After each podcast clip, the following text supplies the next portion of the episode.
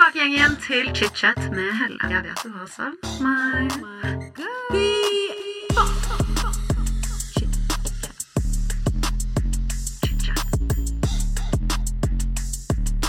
I dag får jeg besøk av influenser og makeupartist Ragnhild Margrethe.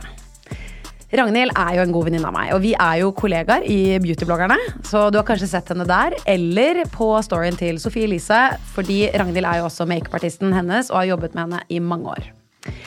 I dag så fikk jeg vite enda mer om min gode venninne, og hun fortalte om oppveksten i Rakkestad, tenårene, hvordan hun møtte Erlend, og også i del én så forteller hun om eh, spiseforstyrrelsene hun slet med når hun begynte å date eh, Erlend. Dette er en veldig ærlig episode, både del én og del to. Kanskje spesielt del to, fordi da dypdykker vi også inn i psykisk helse. Og vi har også en Q&A med tanke på graviditeten. Ragnhild deler helt altså, filterfritt, og jeg elsker deg, Og jeg håper dere også kommer til å like det. Velkommen tilbake til chit-chat. Ragnhild, Yes. velkommen til chit-chat. Tusen, tusen takk. Det er så godt å se deg i studio. Ja, deg òg. Nå har det vært sommerferie, og jeg har ikke sett deg på lenge. Jeg har ikke sett deg på så lenge. Ja. Herregud. Og ja, som kanskje dere lytterne hører, vi er jo gode venner. Vi er gode venner, og vi er beautybloggerne, og vi ser hverandre flere ganger i måneden til vanlig. Til vanlig. Men nå har det vært sommerferie, så jeg føler jeg ikke har sett noen. Ja, og du har jo levd Hot Girl Summer, og jeg har levd Prego og Lini ligge i sofaen sommer. Men herregud, hvordan går det med deg, baby mama? Det går så bra. Det, jeg har eh, vært eh, veldig heldig med graviditeten min, så jeg har eh, ja, ikke hatt det så fælt. Det er jo eh, fantastisk, da. Ja, det er helt fantastisk. og Jeg digger å være gravid, så jeg vet at det må, det er nesten litt sånn tabu å si, men Jeg syns det er litt hyggelig òg, fordi man hører jo mange sider av ja, det å være gravid. Så det er jo veldig nice å høre om noen som elsker det også, fordi det er mange som ikke elsker det. Ja, og det er helt greit. Og jeg mener sånn, det er så mange forskjellige fasetter av det å være gravid, men jeg fikk en veldig heldig en. I feel blessed. Åh, du er heldig. Jeg unner deg så mye. Herregud. Takk. Men eh, det skal også nevnes eh, at eh, i slutten av del to, for det kommer til å bli en del én og en del to med deg, Ragnhild, mm. og i slutten av del to så skal vi ha en gravid-Q&A, fordi folk har stilt inn spørsmål fra Snapchat. Yes. Og jeg syns det kom inn mye kule spørsmål. Sånn ting jeg genuint lurer på selv, så det kommer vi til senere. Ja. Men før vi kommer inn i Prego-gamet, så skal vi selvfølgelig bli enda bedre kjent med deg, min kjære. Ja. Og jeg har gledet meg til dette, fordi jeg kjenner deg jo ganske godt, men jeg får sikkert vite ting i dag som jeg ikke vet om deg fra før av. ja, det kan hende. Håper jeg. Men eh, vi gjør som vi alltid gjør her i Chichat. Vi hopper tilbake i tid.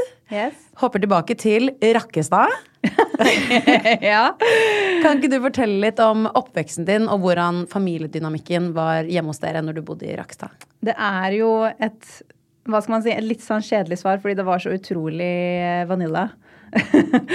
vanilla lifestyle. Eh, nei, det var eh, trygt, rolig, gode foreldre som elsker hverandre, og ikke noe drama. Og ja, bygdetrygghet. Jeg, jeg så ikke drugs før jeg var Ja, det er kanskje sånn fire år siden. Nå er jeg 32. Men det er bra. Ja, ja. Men det der, eh, det kan jeg kjenne meg litt igjen i. Ja. Sånn, jeg ble også eksponert til dop ordentlig, ordentlig voksen. Og så får jeg høre om de som er russ nå, som er sånn ja, vi har sett drugs i mange år. Så ble jeg sånn what? Ja, Jeg syns det er helt sjukt. Jeg synes Det er helt sjukt. Det er jo blitt like vanlig som alkohol visse steder. Men Ah, eh, ja. nei, oppveksten i Rakstad den var eh, rolig og trygg, og um, jeg var en hva skal man si? Eh, verken en populær person eller en, et mobbeoffer, kan man si. Jeg, jeg slida litt sånn imellom og sånn Levde mitt eget liv. Nerdy Ikke nerdy, fordi jeg brydde meg ikke så mye om skolen, men, men jeg var hestejente. Selvfølgelig var du hestejente! ja, ja, ja. Åh! Hestejente og sminkejente. Jeg begynte tidlig med sminke. Ja, du gjorde det? Ja, ja, ja. Jeg, var, eh, jeg gjemte sminken i sekken min, gikk på skolen, sminket meg der og tok det av igjen før mamma og pappa kom hjem. Fikk, fikk jo egentlig ikke lov. Det her var barneskolen, sånn femte-sjette klasse. Oi, du var såpass tidlig ute? Ja, ja, ja. Men igjen, mamma og pappa er lærere, så de fikk jo selvfølgelig høre det. Var de lærere på skolen du selv gikk på? Nei, det var de ikke. Men det er Rakkestad, så liksom Ok. They're not far away. the, the words to travel, liksom. ja.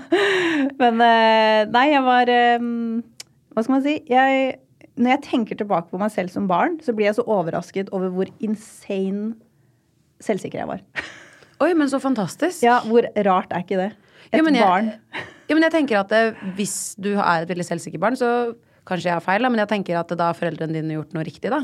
Ja, og jeg, jeg har tenkt mye på det her i ettertid. For jeg blir sånn, hva er det de gjorde? Fordi igjen, nå sitter jeg gravid selv og skal få et barn og tenker sånn, hva kan jeg gjøre for at han også ikke lar seg pille på nesen, sånn som jeg heller ikke gjorde. Og, men jeg klarer ikke å sette liksom, fingeren på det. Hva var det de gjorde som gjorde at Altså, selvfølgelig, jeg ble erta som alle barn blir erta på et eller annet eh, tidspunkt. Og, men jeg bare brydde meg ikke. Jeg var sånn Du syns det? OK. I don't care. Men det er helt Jeg skulle ønske jeg var sånn, fordi jeg var ikke sånn. Nei, jeg, Men det er jo helt nydelig. Jeg, jeg, jeg, bare, jeg skjønner det faktisk ikke selv. At jeg klarte å være så carefree som barn. Men det, har, det var jo veldig fint, da.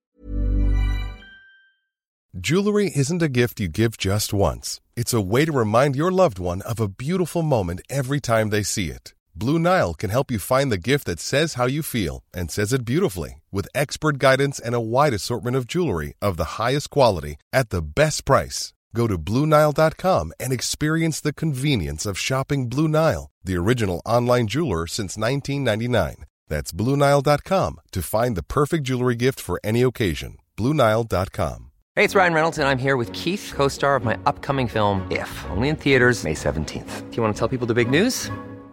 All right, I'll do it. Sign up now and you'll get unlimited for $15 a month and six months of Paramount Plus Essential Plan on us. Mintmobile.com slash switch. Upfront payment of $45 equivalent to $15 per month. Unlimited over 40 gigabytes per month. Face lower speeds. Videos at 480p. Active Mint customers by 531.24 get six months of Paramount Plus Essential Plan. Auto renews after six months. Offer ends May 31st, 2024. Separate Paramount Plus registration required. Terms and conditions apply if rated PG. Life is full of awesome what ifs, and some not so much, like unexpected medical costs. That's why United Healthcare provides Health Protector Guard fixed indemnity insurance plans to supplement your primary plan and help manage out of pocket costs. Learn more at uh1.com. Men da var du et barn da, som trivdes på skolen, jeg tror, og som hadde det fint. Ja. Igjen, sleida gjennom var ikke noe sånn Jeg vet ikke. Jeg hadde jo venner, men eh, jeg var ikke den kuleste. Ikke den min mest ukule heller. Jeg bare gjorde min greie, og det var greit, liksom. Jeg likte, likte å holde meg litt for meg selv, men også være med på de mest sosiale tingene. Altså, jeg elsker dette. Jeg tror liksom det er faktisk drømmeopplevelsen av skole, da. At man faktisk ikke er det populære eller liksom den andre. At man på en måte bare Jeg følte ikke noe press Ja, til å være sant? noen ting. Nei. Å herregud, press. Det er overskriften for min, eh, min skoletid, føler jeg. ja. Å, Fytti katta. Du Kanskje er oppvokst på, vest, eh, oppvokst på vestkanten, og det er jo på en måte det ryktene sier der, da. Ja. At det er liksom presset som er verst der. Ja, nei, jeg eh, Når jeg ser tilbake på det, så forstår jeg det, men når jeg sto i det, så skjønte jeg det ikke. At det var et press. Hvis du skjønner, jeg, jeg ville bare ha alt som alle andre hadde, og eh, ballkjolene skulle koste liksom 10 000 kroner. Jeg skjønte ikke hvorfor mamma ikke kunne kjøpe den til meg, liksom. Hvis du skjønner. Oh my god. Og det er jo bare Ja, det er derfor jeg kaller det rasshøltown. Ja. Nei, jeg føler Jeg ble aldri gjort bortskjemt av foreldrene mine heller. Jeg husker de to tingene mamma noen gang har kjøpt til meg som var på en måte uplanlagt, som ikke var bursdag eller noe annet. Jeg husker hun kom hjem en gang med en lilla jeansbukse med glitter. Og det var Oi. helt sinnssykt. Det var bare sånn derre Kødd, er den til meg? Uten at jeg har spurt om det engang. Bare sånn kjøpt med en gave til meg. Det var den ene, og det andre var en sånn prinsesse Barbie, Rapunzel Barbie, når jeg var mindre. Som hun bare liksom kjøpt uten at det liksom er noe occasion, da. Jeg elsker at du husker dette Jeg så godt. Jeg husker det så godt, og det var, og det var, åh, det var helt fantastisk. Så jeg, selvfølgelig, jeg har ikke blitt Vi har vært bortskjemte på kjærlighet, og vi reiste hver sommer. Det var det mamma og pappa brukte pengene på. Men, øhm, men det var liksom aldri noe press på ting og kule bukser og ditt og datt. Men den lilla buksen, den, Den lilla buksen. episk ut! Lilla glitterbukse! Ja. Amazing! Men når du ble litt eldre, da, som Ja. Hvordan vil du beskrive deg selv som tenåring? Um, jeg fortsatte litt i samme stil å kjøre min egen rute. Um, jeg hadde venner som ikke, ikke også bodde i Rakkestad. Jeg, var- jeg, jeg søkte veldig ut. Jeg hadde venner i Halden og i, i Sarpsborg som jeg da hadde blitt kjent med. Som jeg, liksom, jeg dro og møtte de og festa litt der. Og igjen, brydde meg ikke så mye om uh, å passe inn i Rakkestad. Jeg vet ikke helt hvorfor, men det ble liksom bare sånn. Søkte mye ut, var veldig forberedt på at jeg skulle bo i USA, jeg skulle synge, jeg skulle bli popstjerne. Det var liksom Det var the dream. målet? Det var the dream. Så egentlig så trengte jeg ikke gjøre det så godt på skolen, for jeg skulle uansett bare bli popstjerne. Altså, det skal ikke stå på selvtilliten her, i hvert fall. Det kan jeg bare si. Det er det jeg sier, og det er liksom bare sånn til Altså, Hadde jeg på en måte endt opp med å ikke gjøre noe som helst i den stilen, så hadde det jo bare vært trist. Men siden jeg endte opp i en bransje som er i den stilen, og det liksom gikk bra, så er det jo faktisk litt gøy å se på. Men det er jeg enig i. Det er veldig gøy. Og så må vi også bare si, du har hatt en lite popstjerne-moment. Jeg må ta det opp. Jeg, Jeg jeg må må ta det det, det, gikk ikke som jeg trodde. Eh, Ragnhild har vært med i Idol. Ja, og det Men du kom jo langt. Nei, jeg kom til topp 40. Jeg syns det er kjempebra. Men det var en veldig veldig gøy opplevelse. Det var det. det, var det. Jeg må si at det klippet av deg som ligger på YouTube det der, Du er sånn slide-intervju, og så det, du ser at det er sånn Det er skikkelig gammel sånn grafisk opplegg. Så du Ja. ser den derre Idol-logoen, den derre melodien som var så yep. kjent, og deg som liksom snakker Og du eh, snakket jo mye bredere på den tiden. Ja, da preka jeg litt mer sånn her. Og jeg syns det er så jævlig gøy! Skulle ønske du gjorde det fortsatt. Eh, nei. Hadde ikke Erlend vært sammen med meg. Nei da, jeg bare tuller. Eller gjør jeg det? nei, men det som er morsomt, er at jeg hadde klart å dra med meg Erlend ut til Askim. At vi har flyttet dit, som er rett ved Rakkestad. da. Og jeg hadde jo heller aldri trodd at jeg skulle flytte tilbake. Nei, du trodde ikke det? Nei. Det er ingen som flytter ut fra bygda som tenker at de skal flytte tilbake. eh, Hvis Og de jeg bodd i føler Oslo. alle gjør det. Jeg føler at det er sånn, Hvis du kommer fra et litt mindre sted, så har du skikkelig lyst til å flytte tilbake en dag. Ja, kanskje. Jeg vet ikke. Kanskje jeg tar helt feil. Men i mitt hode så var det aldri et alternativ, egentlig. Jeg har jo bodd i Oslo i elleve år. Og så bestemte vi oss, siden både jeg og Erlend jobber hjemmefra, at OK, vi vil ha et hus. Uh, vi trenger egentlig ikke å bo i Oslo, fordi vi jobber ikke i Oslo. Så da var det pappa som egentlig fant dette huset, da. Selvfølgelig halvtime unna der de bor. Det er et veldig fint hus. Og så skal det jo sies at det, hvis man begynner å titte på litt hus og prisene utenfor byen, Ja. så får jo alle lyst til å flytte. Det kan Ja. jeg bare si med én gang. Det er, eh, det er ganske sykt å sammenligne, ja. Altså. Det lille, bitte lille hullet i veggen bort på Skillebekk holdt jeg på å si, jeg har da, i forhold til liksom et hus ute liksom bare 20 minutter fra Oslo, det er jo liksom Bare du drar litt utenfor, så Ja. kan du få liksom så mye mer. Så ja. Helt vilt. Jeg vil ikke si at du bor i et lite hull, men uh... Nei, jeg gjør, jeg gjør absolutt ikke det, da, men sånn uh, kvadratmeterprismessig Ja, så, er det, jo insane. helt vilt, helt vilt. Altså helt, helt, helt insane. Men jeg tenker jo mye på barndommen min i Rakkestad og barndommen da til som sønnen min skal få. Og kommer det til å være positivt eller negativt å bo der ute i forhold til Oslo? Hva er egentlig best? Og sitter hele tiden og veier opp og ned. Hvor er det best å vokse opp? Men jeg vet ikke. Jeg, Det vet faktisk ikke jeg heller. nei, jeg, jeg, altså jeg vet at jeg hadde en fantastisk oppvekst i Rakstad, men jeg vet jo at det er andre som ikke har hatt det. Eh, og i Oslo så vet jeg at ja, ok, det er mye press på ting, men samtidig Erlend er jo oppvokst i Oslo på Ekeberg, og der var det jo idyllisk og fint og Ja. fotballklubben, liksom. Jeg tror det handler mye om hvordan man har det hjemme. Jeg. Ja. Uansett hvor du bor eller er oppvokst, så tror jeg bare hvis du har et ja, et fint liv med familien din hjemme, Ja. uten drama og ustabilitet, eller hva man kan kalle det, så tror jeg man kan ha det fint. Hvis man får mye kjærlighet og oppfølging av foreldrene sine. Ja. Og det vet jeg dere kommer til å gi til det barnet. Åh, det skal dere gi. Men etter videregående Ja. så flyttet jo du til Australia. Det gjorde jeg. Hvorfor Australia?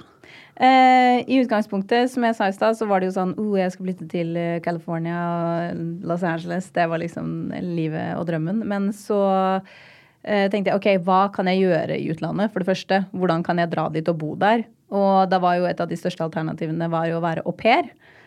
så jeg meldte meg på, eller meldte meg på, men gikk inn på en au pair-side.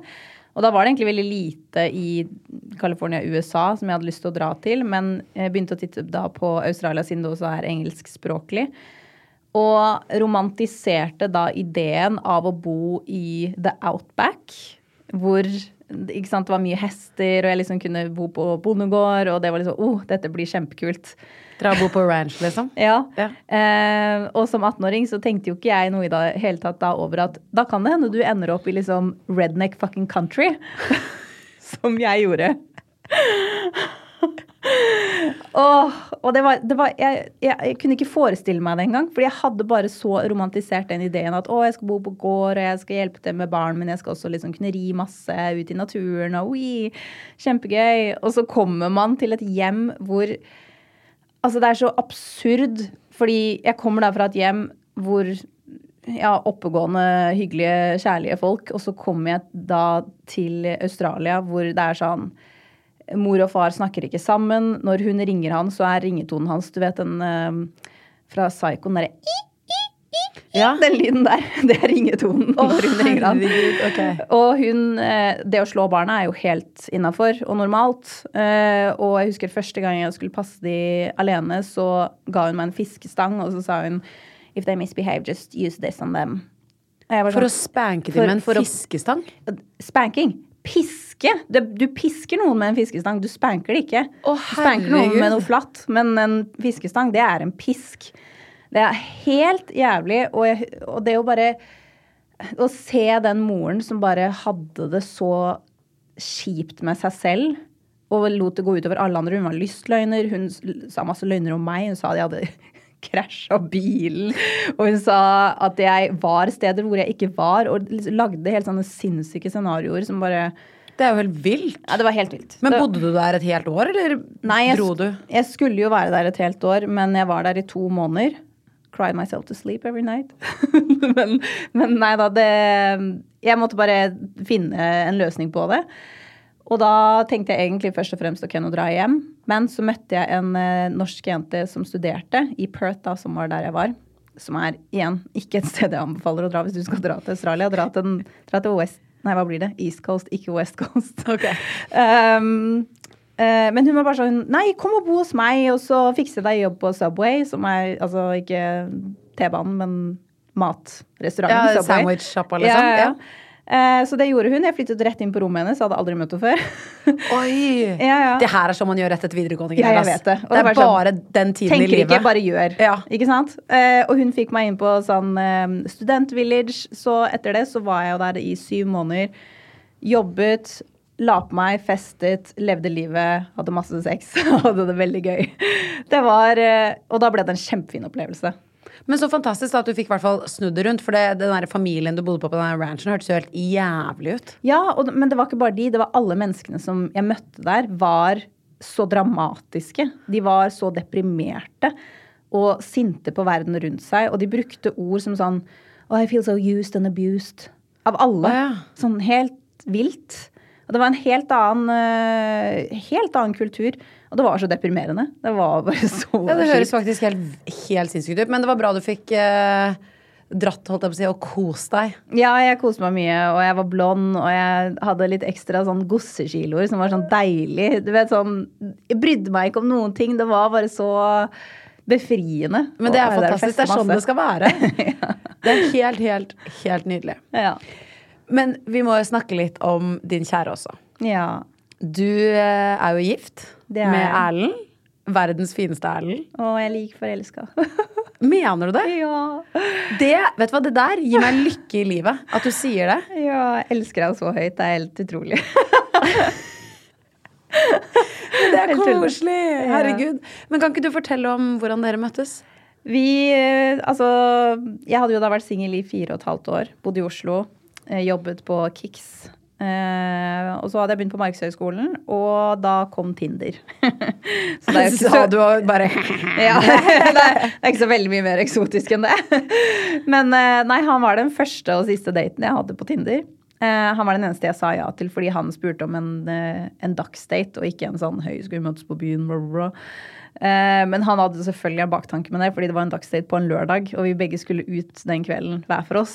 Så han tenkte at ok, hvis jeg legger inn litt aksjer tidlig på dagen, så kanskje vi kan møtes på kvelden. Herregud, Erlend for president. Ja, han er ikke så dum. Han er ikke så dum. Men eh, nei, så vi møttes på kafé, og det, vi merket veldig fort at det var en match. Og så eh, møttes vi også på kvelden, men eh, han fulgte meg hjem, og så sa jeg ha det bra, og så gikk jeg inn. og sånn holdt jeg det i hvert fall gode to måneder. Og Kysset dere ikke? Jo, jo, vi kysset. Men, vi, Men dere lå ikke, liksom? Vi lå ikke oh. før uh, i, i januar, liksom. Så, Og dere møttes da på høsten? I november. Ja. Herregud, det, det syns jeg var sterkt. Holdt du i flere måneder? Nei, altså, han var på en treukers ferie i Afrika også, så det skal også nevnes. Ja. Eh, men, eh, men nei, jeg, jeg var veldig fast bestemt på å holde den lenge. Fordi igjen, jeg hadde vært singel i fire og et halvt år, men jeg hadde ikke vært hva skal man si, frivillig singel. Jeg, jeg, jeg hadde lyst på kjæreste. Men hva skal man si, fant liksom aldri noen som jeg kunne gå lengre distanse med. Og så merket jeg jo bare etter hvert at ok, jeg må bare bli litt mer seriøs selv. så det var, og, og Erlend også har jo sagt det, at hadde ikke jeg holdt igjen der, så hadde jeg nok bare vært en av noen som han hadde møtt den gangen, og så gått videre. Så det hadde mye å si for vårt forhold. At vi ble ordentlig kjent først. Men det syns jeg er skikkelig fint at du sier. Fordi det er jo, det er jo veldig sant. Og så føler jeg ofte at um, Jeg er jo veldig sånn som er sånn Herregud, man kan bare ligge med en gang og gjøre alt med en gang. Men det er litt sånn easy come, easy go. Ja, og det er ikke noe regel. Altså, Noen kan jo ligge på one night stand, og så blir de sammen etterpå. holdt jeg på å si. Altså, alle har forskjellige historier. Men um, jeg vet at i den situasjonen der, hvor han var nysingel og veldig klar Ja, for for å være singel og han var veldig nysingel. For Yes. det har jo veldig mye å si. Veldig. For da klart. skulle jo han sikkert runde Oslo. Han skulle runde Tinder, så Ja. det var jo ikke snakk om det. Men, eh, men så møtte han meg, da, og så, og så var det jo sånn jeg husker, jeg husker veldig godt når jeg og Erlend hadde vært sammen i seks år. Så tenkte jeg sånn Tenk om jeg og Erlend hadde gjort slutt nå, og så skulle jeg begynt å date, og så to måneder etter det blitt slutt mellom oss, så møter jeg en som er perfekt for meg på papiret. Så klarer jeg jo ikke å gi hjertet mitt med en gang. Jeg hadde jo ikke klart det, for jeg hadde vært sammen med Erlend i seks år. Så, og det var jo det som på en måte ble hele starten på vårt forhold, at jeg sto med begge føttene inn med en gang, mens han sto jo med én fot ut, i hvert fall i gode tre år. Oi. I starten av vårt forhold. Var det utfordrende for deg? Ja. ehm, så hadde jeg på en måte ikke hatt den mentaliteten som vi snakket om i stad, at jeg liksom kan liksom prøve å ikke bry meg så mye. eh, så hadde jeg nok blitt helt knust. Jeg hadde blitt veldig usikker og veldig Jeg vet ikke, kanskje sjalu, da. Mens jeg prøvde å sette meg litt utenfor, prøvde å se fra hans side. Ok, du har møtt meg, vi passer veldig bra sammen, men jeg skjønner at det er eh, at eksen henger litt igjen. da. Du har på en måte nettopp gjort det slutt. Eh, så ett år inn i vårt forhold så gjorde jo Erlend det slutt med meg. Og for meg så kom det litt sånn ut fra det blå. Jeg ble, jeg ble helt hinsides lei meg. Jeg har aldri vært så lei meg i hele mitt liv. A lot can happen in three years, like a chatbot may be your new best friend. But what won't change? Needing health insurance. United Healthcare Tri Term Medical Plans, underwritten by Golden Rule Insurance Company, offer flexible, budget friendly coverage that lasts nearly three years in some states. Learn more at uh1.com. Quality sleep is essential. That's why the Sleep Number Smart Bed is designed for your ever evolving sleep needs. Need a bed that's firmer or softer on either side? Helps you sleep at a comfortable temperature? Sleep Number Smart Beds let you individualize your comfort so you sleep better together. JD Power ranks Sleep Number number 1 in customer satisfaction with mattresses purchased in-store. And now, save 50% on the Sleep Number limited edition Smart Bed for a limited time. For JD Power 2023 award information, visit jdpower.com/awards. Only at a Sleep Number store or sleepnumber.com. Many of us have those stubborn pounds that seem impossible to lose, no matter how good we eat or how hard we work out. My solution is PlushCare. PlushCare is a leading telehealth provider with doctors who are there for you day and night to partner with you in your weight loss journey. They can prescribe FDA-approved weight loss medications like Wagovi and Zepbound for those who qualify.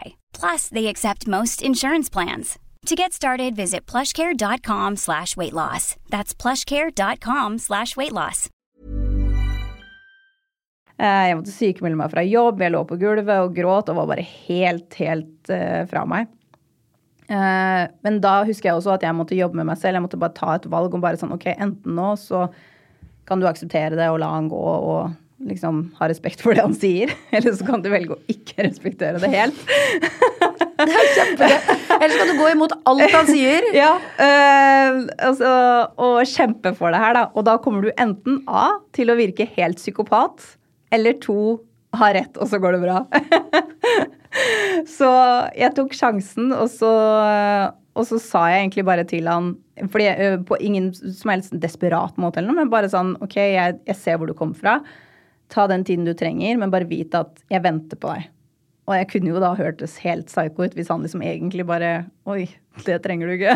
Men det syns jeg er eh, Ja, fordi det kan gå veldig bra eller Ja. veldig dårlig. For det å si det også, da, da føler jo kanskje den andre personen at den har kan gjøre hva den vil. Hvis du skjønner Ja. litt hva du mener sånn Å, jeg kan gå rundt og ligge med folk eller være, være meg selv, og så kan jeg bare gå tilbake til Ragnhild når som helst, fordi hun er jo der uansett. Ja, men på en måte, jeg hadde ikke sagt det hvis jeg ikke visste at Erlend var den han var. da. Han Ja. øh, hadde jo en god kommunikasjon til meg rundt det her hele tiden, hvor han var hele tiden veldig klar på at dette handler ikke om at jeg skal møte noen andre, dette handler om at jeg må være alene. Jeg har ikke vært alene på veldig, veldig mange år, og jeg må finne ut hvem jeg er, og hva jeg vil, uten at jeg er i et forhold. Fordi jeg har hoppet fra et langt seriøst forhold rett inn i et forhold med deg som er veldig seriøst. Eh, men jeg har bare ikke hatt tid til å være alene i det hele tatt. Så eh, Det var måte- fint. Ja, og jeg kunne, på måte, jeg kunne jo skjønne det, men det var jo forferdelig for meg allikevel. Ja, selvfølgelig. men, eh, men da var det rett og slett at jeg måtte bare smøre meg litt med tålmodighet. Og så bare sa jeg til han at du får ta den tiden du trenger der. Altså Så lenge det ikke er dating med andre som det her handler om, så, så kommer jeg til å vente på deg. Ok, men det er i hvert fall en fin, for da har du på en måte en guideline, på en måte. At, Ja, ja. Det, at det ikke er sånn Jeg bare sitter her og venter på deg. Ja, ja, nei, nei. Det, og jeg, han er en veldig respektfull fyr. Han hadde ikke liksom Nei, og det vet jeg jo. på den måten her. Nei, og jeg vet jo det. Jeg bare tenker sånn, øh, for de som lytter også, på en måte, at man Ja. har jo kanskje stått i en situasjon selv hvor man er så hodestups forelsket i noen, Mm. og så får man kanskje ikke akkurat det tilbake. Kanskje de liker deg, da, men de er ikke så forelsket Ja, ja. som man selv er.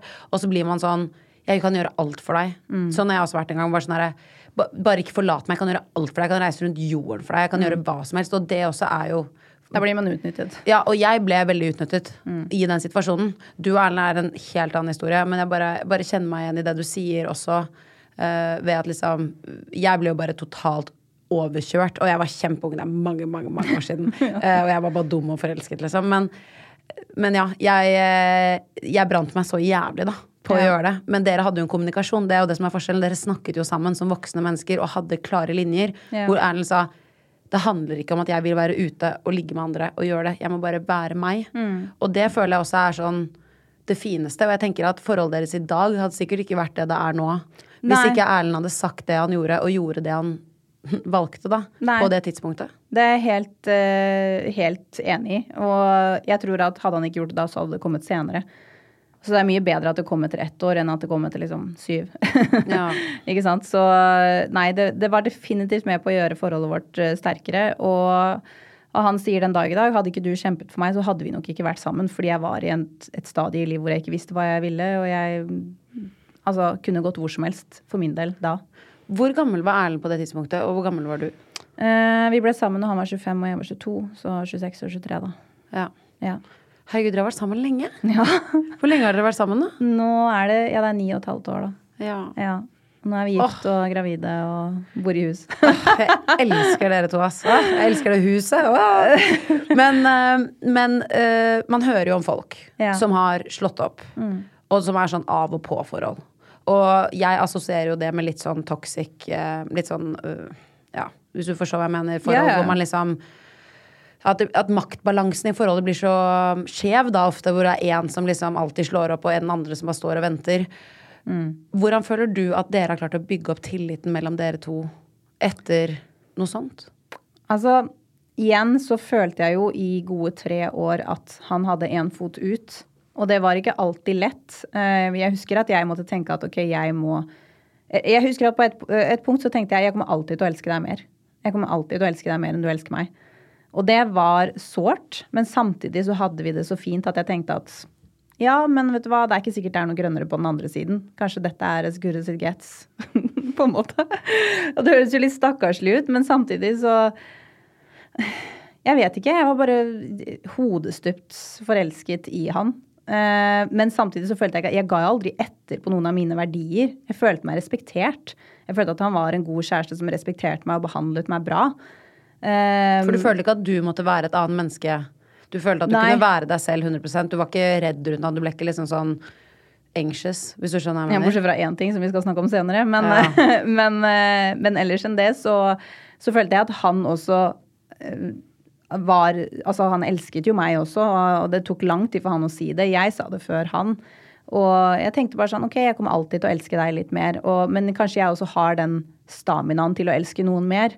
Ikke sant? Kanskje det bare er meg som person og deg som person. At du ikke klarer å gi hjertet ditt så mye, og jeg klarer å gi mye mer fordi jeg er veldig stødig. Mens kanskje du er litt mer eh, Altså, når jeg sier at han har én fot ut, så betyr jo ikke det at Han gjorde jo ikke ting. Han, det var ikke sånn at han flørte med andre jenter og drev med sånne ting. Det var egentlig bare at jeg satt litt med følelsen om at det kan hende han slår opp på meg.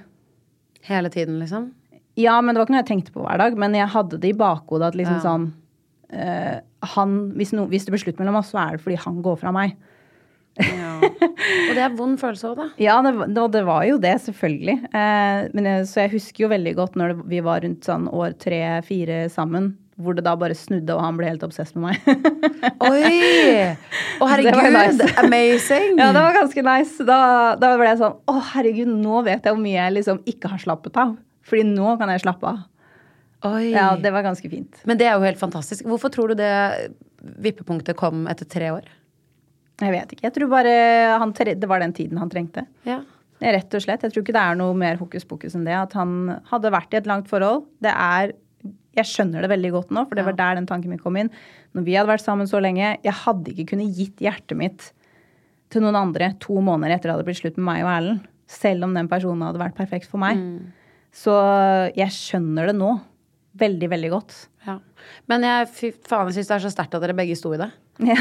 Men eh, sånn som du nevnte nå nettopp, så var det jo en annen ting som også skjedde i denne tiden.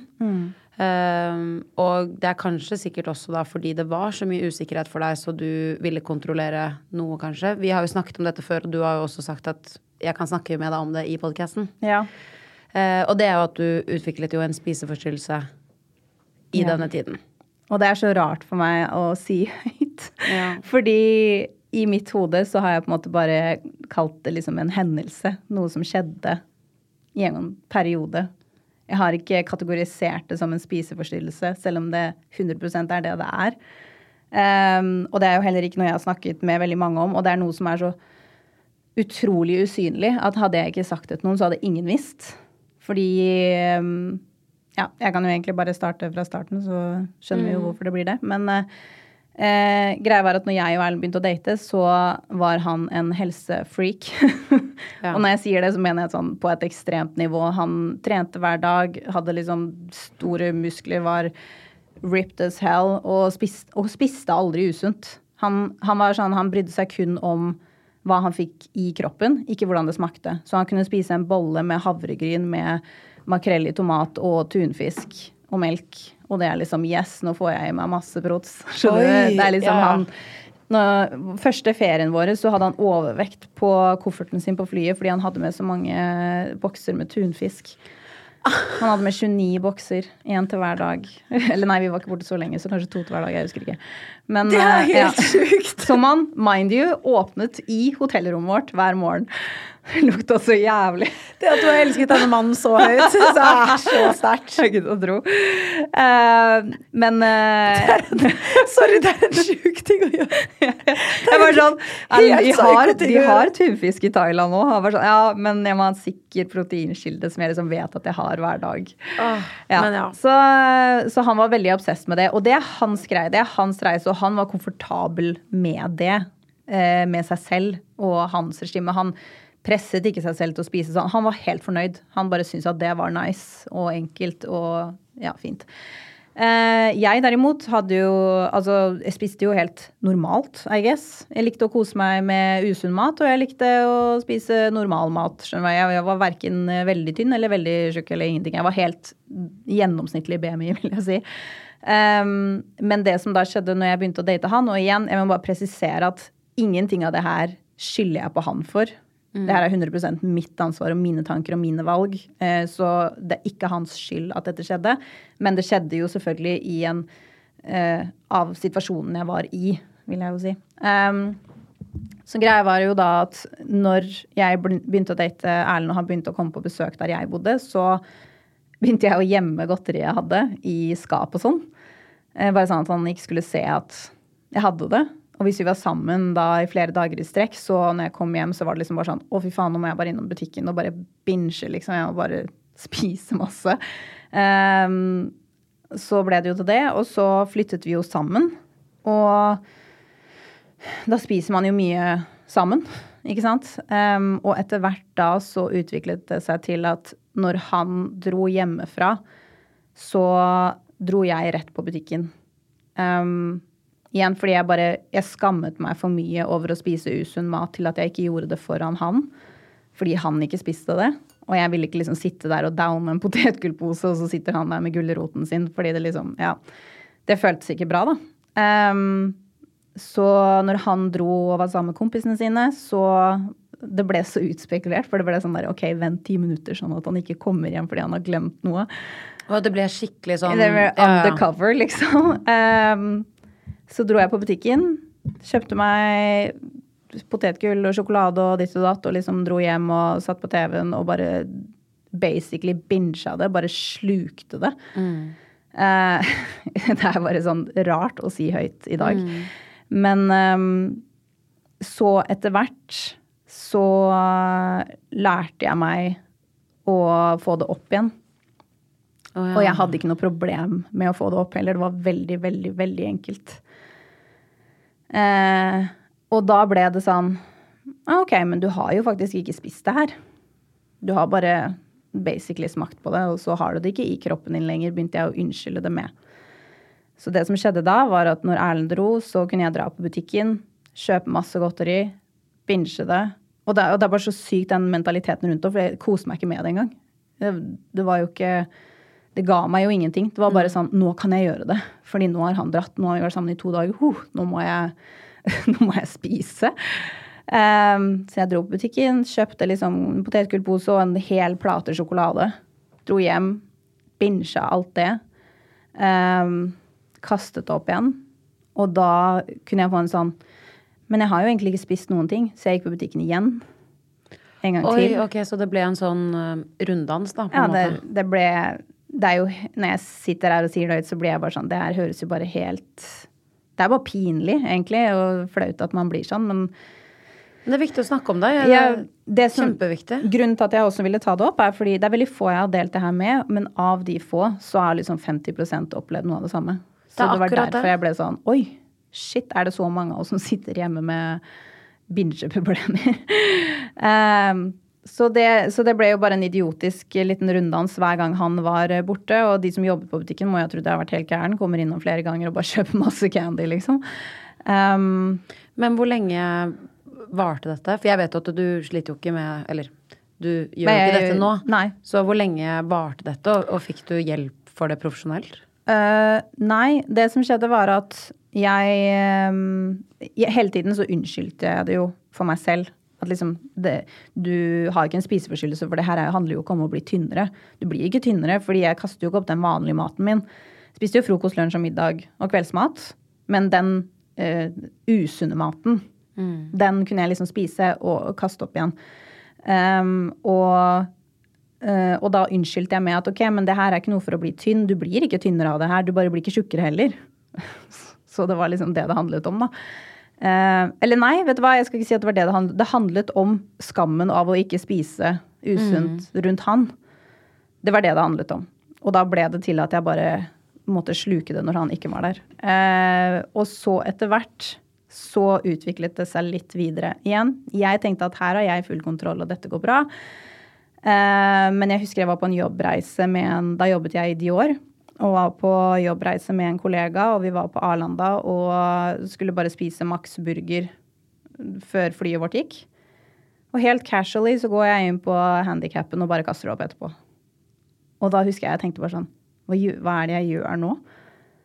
Det Eh. var den dagen hvor du bare sånn Ok, nå forstår jeg selv at dette Ja, nå, da begynte jeg å kjenne sånn Nå står jeg og kaster opp på Arlanda. Det her er ikke Igjen, altså det er ille nok det som er hjemme, men det skjønte jeg ikke selv da. Men når jeg sto på flyplassen og kasta opp maten min, så ble jeg sånn hvem, hvem er jeg? Skal jeg gå ut her nå med tårer i øynene? Fordi det får man når man kaster opp. uh, og liksom Nei, nei, alt er fint. Jeg tar bare en tyggegummi. This is normal. Så ble det sånn Det her er ikke normalt for fem flate øre. Um, og så begynte jeg å tenke uh, Hvem kan jeg fortelle dette til? Og så når jeg da begynte å skjønne at dette har jeg ikke lyst til å fortelle til noen, da er det jo fordi det er galt. um, og da var det jeg tok uh, steget og fortalte det til Erlend at jeg hadde gjort det. Uh, og han ble jo selvfølgelig kjempelei seg. Um, og, og var mye mer hjemme begynte å spise mer godteri sammen med meg, bare for å liksom Å, han er fin, da. Eh, jo, da, prøvde å gjøre sin Eller han prøvde på sin måte, kanskje, da, å hjelpe uten at han egentlig visste hva han kunne gjøre. Ja. Jeg vet ikke. Han ble veldig lei seg, og han, tok veldig, eller han fikk veldig skyldfølelse for det. Og igjen så prøvde jeg hele tiden å si at dette er jo ikke din skyld. Dette er jo mitt valg, og jeg som har gjort dette. Eh, men eh, eh, men ja, selvfølgelig. Det hadde ikke skjedd hadde jeg ikke data en som var så sunn, sunn som det du er. Men det er igjen ikke din skyld. Du skal få lov til å leve akkurat som du vil. Men det skal også sies at han var også ekstremt var på liksom mat som var rundt han. Hvis han så en kjekspakke i, i, på kjøkkenet, så kastet han den bare. Skjønner du? Selv om jeg hadde kjøpt den inn. Og det kan jo Det har vel vært noen av våre største krangler, tror jeg. For jeg sa sånn Dette er ting som kan trigge meg. Ikke kast usunn mat bare fordi du ikke har lyst på det. La meg få spise det hvis jeg vil spise det. Så Men hvordan klarte du Altså, det, det, det er jo bulimi. ja, man må jo bare innrømme det. Man må jo bare kalle det for Ja. Mm. det det er. Um, men fikk du profesjonell hjelp for det, eller har Nei. du håndtert det selv? Jeg håndterte det selv ved at jeg fortalte det til omgangskretsen min. Uh, og når jeg gjorde det, for det første så gikk det veldig opp for meg at det her er Dette er ikke normalt. Dette er ikke bra i det hele tatt, fordi da fikk jeg jo også deres på en måte reaksjoner på at jeg hadde gjort det. Og hadde jeg ikke sagt det, så hadde ingen visst det. Fordi igjen, du, sånn som jeg gjorde Jeg hadde ikke blitt noe ekstremt tynn av det, for det første. Eh, og for det andre så er jeg liksom eh, Jeg vet ikke. For jeg tror ikke folk hadde trodd at jeg hadde gått og kasta opp maten min. da. Men når de vet det, så ser de jo hver gang du går på do etter, du, etter et måltid og ditt og datt. Ja. Og da legger de jo alle merke til det. Hvis de vet. Så mitt steg ut av det ble bare å fortelle de rundt meg, sånn at de jeg på en måte måtte holde meg accountable, da. Og da bare på en måte gikk det over, da, av seg selv? Fordi Mm. Ja. Det gikk, det gikk eh, ganske fint. Jeg hadde vel kanskje sånn én eller to tilbakefall, men da valgte jeg Det var også et av stegene som også gjorde at jeg kom meg helt ut av, var at jeg valgte da å være ærlig om det til Ja. vennene mine. Og si at ok Fordi de var veldig på og spurte underveis. bare sånn, hvordan går det, har du hatt tilbakefall ditt og datt? Og hvis jeg hadde hatt det, så sa jeg ja. Sånn at når jeg da ikke hadde hatt det, så kunne de i hvert fall tro på meg når jeg sa nei. Så det var, eh, det var veien ut av det. Men det var utrolig ekkelt hvordan det kom snikende på, og hvordan jeg følte at jeg hele tiden hadde kontroll over det. It's not a big deal. Dette liksom, dette betyr ingenting. Men det er jo som ofte sånn man hører at det starter, da. At man ikke Det er bare lite grann. Ja. Skjønner, det er bare, ah, det er bare litt. Tenker ikke noe over det. Og så plutselig står man oppi det, og så er man sånn wow. Det her tar en veldig stor del av livet mitt. Ja, man ja. går rundt og tenker på det veldig mye. Og jeg også har hatt et anstrengt forhold til mat tidligere i livet mitt. Ikke på denne måten, men bare eh, liksom Jeg spiste low Altså sånn eh, lavkarbo i Ja. mange år. Og det gjorde at det, Og jeg tenkte sånn, herregud, det er bare lavkarbo, jeg bare vet jo hva jeg spiser. Men jeg ble så obsesst med tanken på at jeg ikke skulle få i meg noe som ikke var lavkarbo. Så det ble så ekstremt stor del av livet mitt. Jeg kunne ikke gå ut og spise, jeg kunne ikke være med vennene mine, jeg kunne ikke kose meg. Jeg kunne ikke jeg måtte hele tiden tenke sånn, ok, nå skal vi på kino, de andre kommer til å gjøre det, jeg må finne på en unnskyldning for å si til de, for jeg syns det er så flaut å si at jeg ikke kan. Altså, skjønner jeg, altså, Det tar så mye tid, da. Og. Det er så var- slitsomt. Det er så slitsomt. Og da, det, da fikk jeg også sånn epiphany, fordi jeg hadde vært ute og, og, med mamma øh, og søsteren min Mm. på kino. Og så hadde jeg kjøpt sånne mm, Du vet sånne bananer med yoghurt rundt? Sånn tørkede bananer med Ja, sånn, sånn ja, ja, de nøttene. De Ja, så- hvite. Ja, de er hvite rundt. Og da husker jeg at jeg kom hjem, og da hadde jeg spist det. Og det er, det jo, det er jo åpenbart ikke lavkarbo. Mm. Og da var klokken halv to på natten at jeg våknet av at jeg hadde så noia. At jeg løp en og en halv mil. Ja. Og da, det var, det var min Arlanda. Ja. Hvor jeg var sånn Dette er ikke faen sunt. er det jeg driver Hva med, liksom? faen er dette? Og dagen etterpå så begynte jeg å spise vanlig igjen. Ja. Men det som er at når du har spist lavkarbo, og så skal du begynne å spise vanlig Jeg holdt på å drite på meg hele tiden.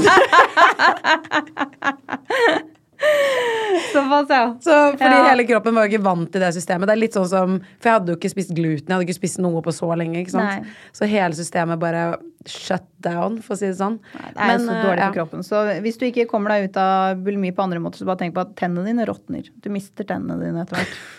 Hvis, så, hvis ikke den noe annet er god nok grunn, så er i hvert fall det det. Absolutt, ass. Fy faen. Men uh, jeg tror det er mange mennesker jeg, som har et anstrengt forhold til mat, og- eller har hatt det, eller har det, eller sliter. Og, og jeg tror det er viktig å snakke om det, fordi det kommer i så sinnssykt mange forskjellige former. Sånn som det du og jeg sitter og snakker om. Nå er jo ikke de veldig typiske man assosierer da i gåsetegn, føler jeg, nei. med hvordan en spiseforstyrrelse kan starte. Jeg tror mange tenker på en spiseforstyrrelse som at ok, da ser du ut som et skjelett. Du ser Ja. syk ut, og du er liksom latterlig tynn og bare Ja. Men det er absolutt ikke nødvendig sånn, og jeg Ikke i det hele tatt. Jeg var på min mest fitte jeg har vært i mitt liv.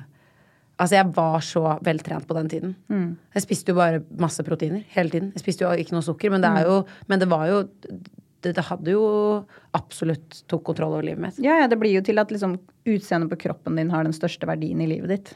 100 Og det, det er er så jo slitsomt. kjempeusunt. Kjempe, kjempeusunt. Ja. Men jeg ser nå at vi eh, har snakket lenge, så Ja. dette her, eh, vi, vi kutter den her i del én. Eh, og så blir det jo en del to. Eh, for deg som lytter, abonner til Chitchat med Helle, så får du opp del to med Ragnhild neste torsdag. Yes. Og så må vi bare si tusen takk for at du har sittet og lyttet til oss, og eh, ha en fortsatt kjempefin dag. Og vi, Ragnhild, vi fortsetter. Vi fortsetter. Og til deg som har lyttet til denne episoden, hvis du likte det du hørte, så gå gjerne inn i appen og abonner på ChitChat med Helle. Da får du automatisk opp nye episoder hver eneste torsdag.